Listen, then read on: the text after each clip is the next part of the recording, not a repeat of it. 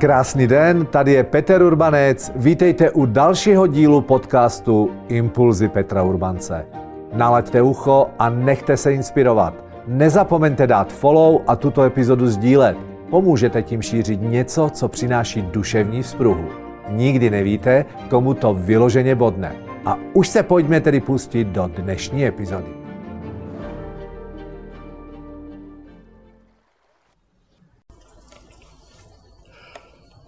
Chceš být šťastný nebo chceš mít pravdu? Přátelé, tohleto téma jsme ohýbali už několikrát a já se dnes na dnešní nakopávačce chci zaměřit na podobné pravidlo, které zní. Chceš mít pravdu nebo chceš, aby byl splněný cíl akce? O čem mluvím? Do jakéhokoliv rozhovoru, když jdeme, je dobrý se zastavit a říct si, co je vlastně cílem. Do jakéhokoliv projektu, přece když jdeme, tak v první řadě si řekneme, jaký má cíl. A v mém případě, třeba když jdu do semináře, tak se vždycky zeptám, a jaký je cíl toho semináře, co z něj má vypadnout. No a já jsem se teď v sobotu vrátil ze semináře a chci se vám přiznat, jak jsem vlastně metodicky i trenersky selhal.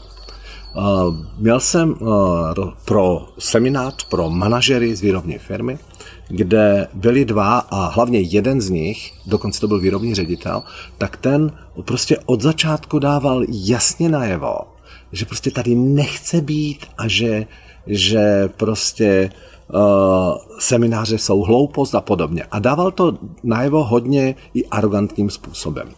Co samozřejmě se nelíbilo skupině, a já jsem to ze začátku z Gráci zvládal. A, a pak nevím, co to do mě vělo. Prostě se objevilo to ego a já měl potřebu uh, mu to elegantně z Grácí vrátit. Jo? A, a samozřejmě na těch jeho uh, výrocích, tak jsem ho opravdu ze svojí zkušeností hodně často nachytal že prostě uměl jsem argumentovat na jakoukoliv situaci. A ve chvíli, kdy, kdy asi po 60 minutách, kde bylo vidět, že drtivá většina skupiny je na mé straně a, a já, jsem, já jsem opravdu se uhýbal těm jeho ranám, potvrzoval jsem mu, že v nějakých případech může mít pravdu. A v té chvíli po 60 minutách, kdy on opravdu do mě vyjel už hodně, hodně ostrým způsobem a a, a říkal, no teď jsem zvědav, co s tím uděláte. No.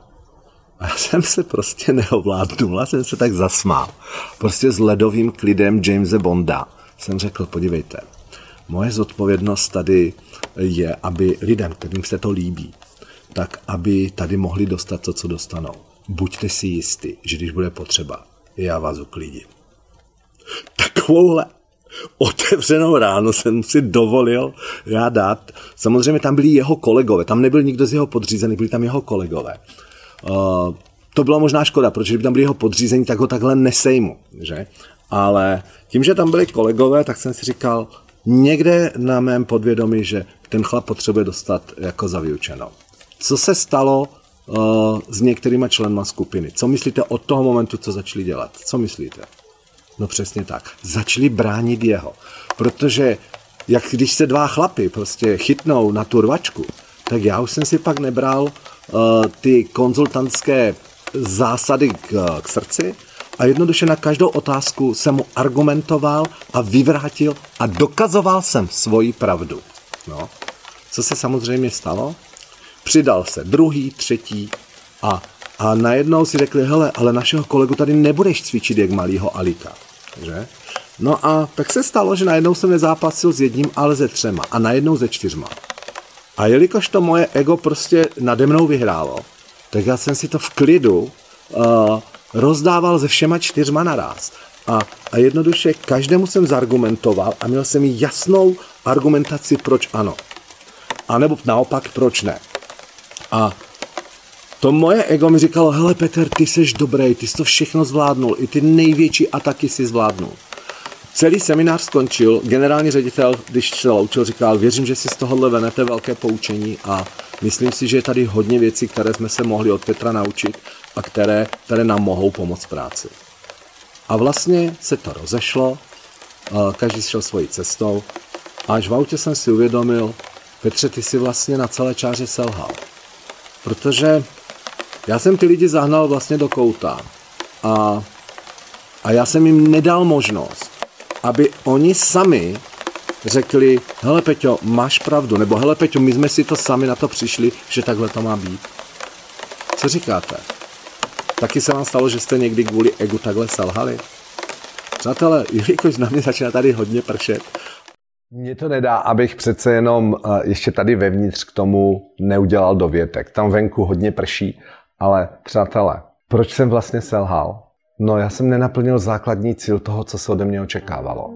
Ode mě se očekávalo, že pomohu těm lidem, aby si aby změnili postoj, aby změnili postoj ke změně, aby změnili postoj k tomu, co se děje u nich v jejich společnosti, v jejich firmě. A já jsem místo základního cíle začal bojovat o svoji pravdu. Já jsem vlastně, když si to teď přiznávám po čase, uvědomil, že moje ego způsobilo, že já jsem jim dokazoval, že ne oni jsou dobří, ale že já jsem dobrý. A to je špatně. To je sakra lídrovsky špatně. Protože lídrou, a to víme, že úlohou lídra není, aby, aby si lidé zlepšili mínku o něm. Úlohou dobrého a správného lídra je, aby si díky němu lidé zlepšili mínku sami o sebe. A něco vám řeknu technicky. Kdybych to byl ustál, těch prvních 60 minut a vydržel ještě 30. Já jsem to prvních 60 minut ustál, a pak jsem do něj vystartoval. Kdybych to byl ustál a ustal to celých 90 minut, tak se mohly stát dvě věci. Buď by ho uklidila ta skupina sama, protože eh, by tu sympatii nepřenesli na něj, ale zůstala by u mě. To by bylo bod jedna. Nebo, co bych udělal určitě, je, že bych přes tu přestávku za ním šel a prostě bychom si to vypovídali mezi čtyřma očima a je velice pravděpodobné, že by ubral. A dal by tomu šanci.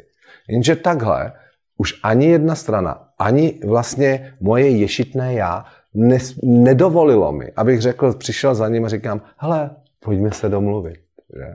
Přátelé, je to zajímavá téma, určitě se k ní ještě vrátíme a já opravdu vám držím palce na tento týden, abychom věnovali také energii tomu, že když do něčeho se pouštíme, abychom se na začátku položili jednu důležitou otázku. Jaký je cíl tohohle rozhovoru, jaký je cíl této akce?